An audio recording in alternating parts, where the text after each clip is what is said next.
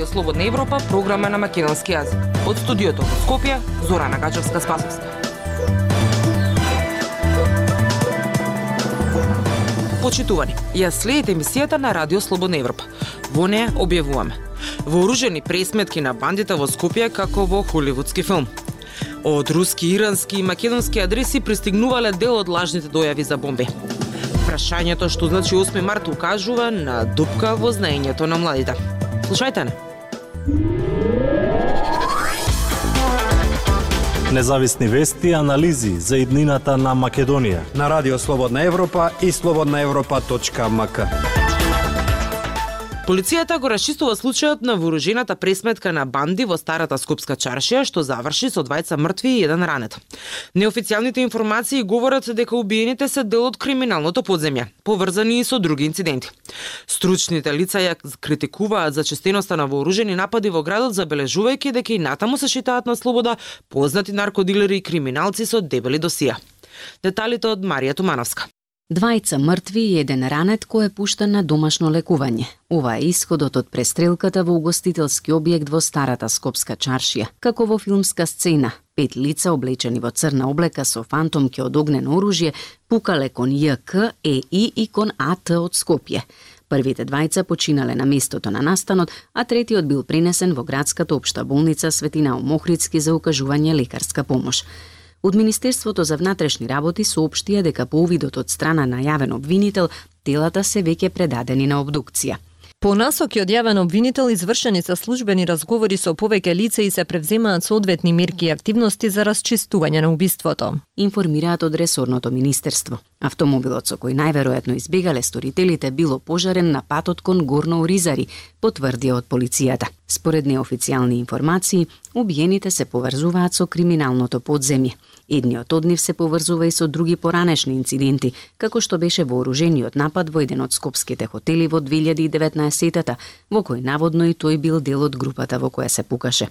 Од опозицијската ВМРО ДПМН реагираа дека порастот на убиствата и криминални пресметки на наркобосови се случува во мандатот на оваа власт. Додека Спасовски е прв човек на полицијата 8 години, се случија стотини нерасветлени убиства. Што друго да се случи за Спасовски да си даде оставка? Треба да одговори дали има политичка конотација во двојно убиство и каква е поврзаноста со крилата на криминализираните ДУИ СДС. Реагираат од ВМРО ДПМН. Радио Слободна Европа веќе пишуваше за криминалните пресметки во борбата за превласт во Скопското подземје на две криминални групи. Според нашиот полициски извор, едната група делува на територијата Сарај Грчец, а втората Чаери Сингелик. Мотивите за ваквите криминални пресметки според истиот извор се битки за преземање на криминалните пазари со наркотици во земјава, расчистување со повеќе годишни несредени односи, како и крвна одмазда. Стручните лица ја критикуваат за честиноста на вооружените напади во градот, забележувајќи дека и натаму се шетаат на слобода познати наркодилери и криминалци со дебели досиеја, кои тешко се апсат и уште потешко се процесуираат постапки за кривично дело против нив. Стефан Буџаковски, професор од областа на безбедносни науки и кривично право, вели дека секое криминално дело од областа на организираниот криминал мора да се пресече на време. Кај овој вид на криминалитет најдобра превенција е на времено следење, детектирање на нивните криминални активности, апсење на време за да не дојде тие меѓу себе да се пресметуваат. А во рамките на тие мерки, бидејќи тука кај вакви криминални организации се применуваат специфични мерки за откривање како што се посебните истражни мерки, службите може да дознаат дека одредени криминални истори ќе почнат да се меѓу себе убиваат. Порачува Буџаковски. Интересен е податокот дека криминалните групи од секогаш успеваат да се поврзат со партиите, особено оние кои се на власт, а некои од нивните членови нередко можат да се забележат и на фотографии со политичари. Слободна Европа Следете на на Facebook, Twitter и YouTube. За да се утврди точната локација од каде се испраќаат дојавите за бомби, потребна е меѓународна подршка, велат експертите по сајбер сигурност по изјавата на министерот за внатрешни работи дека некои од заканите доаѓаат со VPN адреси од Иран и Русија. Дел од дојавите доаѓаат и од дома. Повеќе од Владимир Калински. Дел од лажните дојави за бомби доаѓаат од VPN адреси од Русија и Иран, е информацијата што ја сподели министерот за внатрешни работи Оливер Спасовски, за која информатичарите објаснуваат дека засега е можно лоцирање на напаѓачите, но предупредуваат дека за утврдувањето на точната локација е потребна долготрајна постапка и меѓународна соработка. Полицијата во истрагата утврдила дека имејл пораките со дојавите за лажни бомби биле испраќани од компјутер кој е скриен зад VPN, што практично значи дека ја маскира вистинската локација на компјутерската мрежа.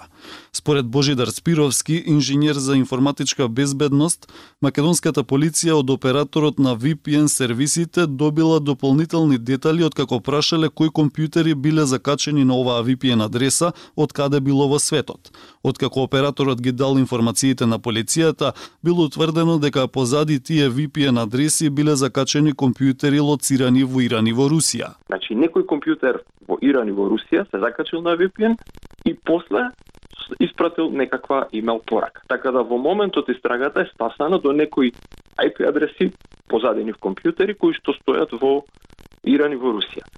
Дали тоа е крајната точка на истрагата, јас не можам да кажам, бидејќи сосема е можно и позади тие компјутери да има уште еден VPN или тие компјутери да се далечински контролирани. Вели Спировски, форензичката истрага на МВР покажала дека некои од дојавите ги испраќале луѓе од македонска територија, но во последните неколку дена дојавите оделе преку VPN адреси, а почетните се јавувале од Иран и Русија.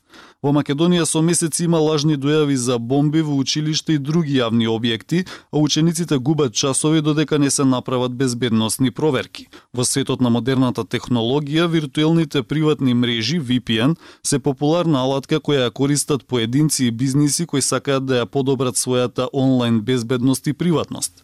Случаите со лажни закани за бомби во Македонија сепак фрлаат светлина на потенцијална злоупотреба на VPN. Поранешниот министер за внатрешни работи и актуелен пратеник во собранието Павле Трејанов вели дека според досега направените анализи во Македонија најверојатно постои штаб во земјава кој ги координира сите активности за лажните дојави за бомби, но дека е можно да има логистика од странство како на пример од Иран и Русија. Моја сугестија е препорака дека службите мора да работат многу поангажирано, оперативно, да се координират и да барат експертска странска помош. Вели Трејанов. Спировски смета дека при утврдувањето од каде доаѓаат дојавите за лажни бомби и веќе имало меѓународна соработка. Според него, VPN провайдерот доброволно не ги дал своите информации на македонската полиција и тоа веројатно одело преку соодветни судски налози и преку меѓународна соработка за да се дојде до овие информации. Тој додава дека очекува и во следниот чекор да се бара соодветна меѓународна соработка и истрага Радио Слободна Европа, светот на Македонија. Зошто се одбележува 8 март?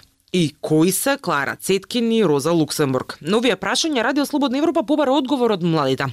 Она што го добивме како одговор покажува на дупка во знаењето за работи кои што се учат уште во основно образование. Емилија Бунтовска, Нацоска.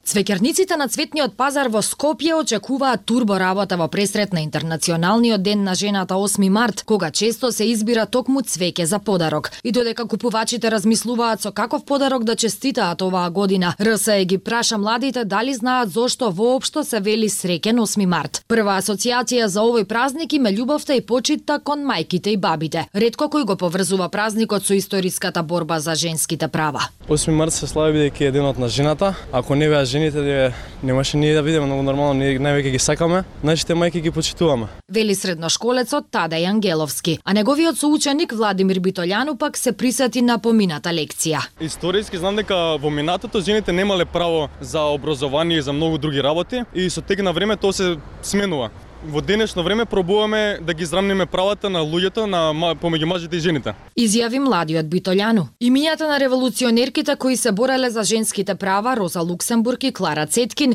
не им беа познати на средношколците кои ги сретнавме, иако за нив се учи уште во основно. Според историчарот Васко Гичевски, кој е наставник по граѓанско образование и етика во основното училиште Слав Колумбарковски во општина Новаци, има зошто се појавува оваа дупка во знаењето. Овие две личности се споменуваат во учебниците и наставните материјали, но без да им се даде некое посебно внимание, вели тој. Она што денеска може би е не толку познато кај помладите и токму поради тоа пренебрегнување на тој дел од историјата на човекот, односно она што го викаме ние нашето социјалистичко минато. Денеска во современиот свет, сметајќи дека таа идеологија е непотребна или во некој случај дури и штетна, се пренебрегнуваат таквите податоци, едноставно се тргнати на страна. Истакна Гичевски. Друг проблем е што самото општество не поттикнува некаков интелектуален интерес кон темите, забележува наставникот. За жал денеска за деца се послабо и послабо покажуваат интелектуален интерес кон овие теми и предмети кои што ние ги нарекуваме обштествени и хуманистички науки. Денеска се повеќе интересирани за техничките науки и затоа помалку знаат, да речеме ли, воопшто не се запознати, само дури ниту ги интересира или го перцепира пак само како денот на мајка.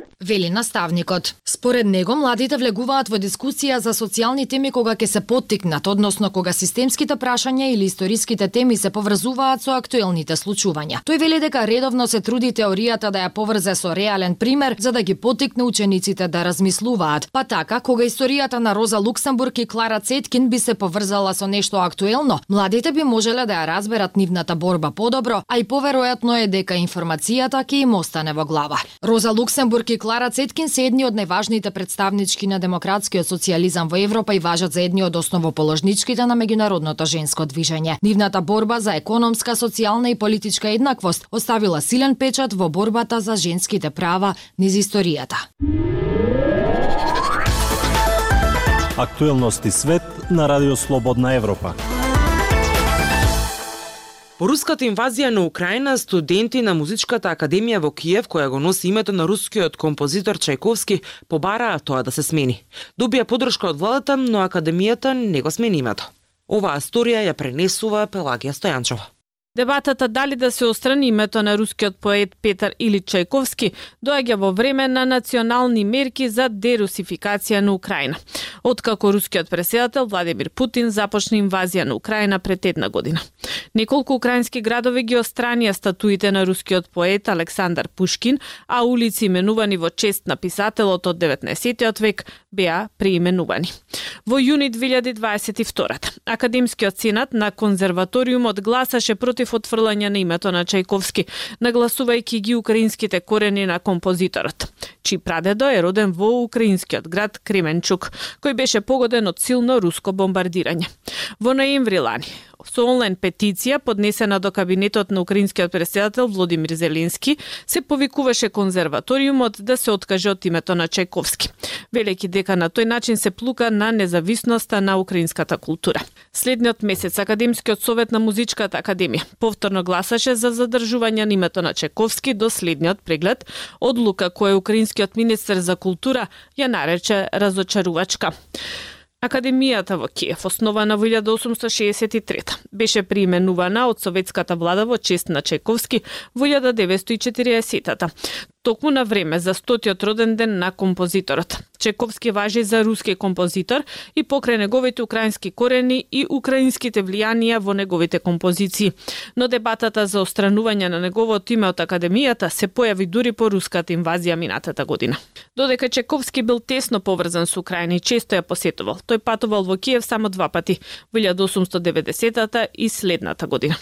Сепак и покрај неговите пријателски врски со Украина и значителното време што го поминал таму во текот на неговиот живот, тој себе си не се сметал за украинец. Јас сум русин во целосна смисла на зборот, напишал тој во писмо до својот патрон Надежда фон Мак во 1878 Во писмото до еден познаник во 1891 композиторот напишал Јас сум реалист и роден русин. Дискусијата за Чајковски по руската инвазија се прошири надвор од границите на Украина. Во март минатата година Филхармонискиот оркестар на кадри во Велс се повлече од изведувањето на увертирата на Чайковскиот 1812-та, велејќи дека тоа би било несоодветно по инвазијата.